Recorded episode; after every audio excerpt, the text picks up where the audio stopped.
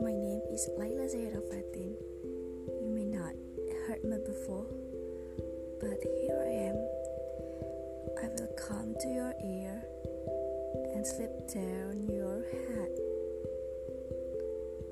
I wish that we could meet not like this, but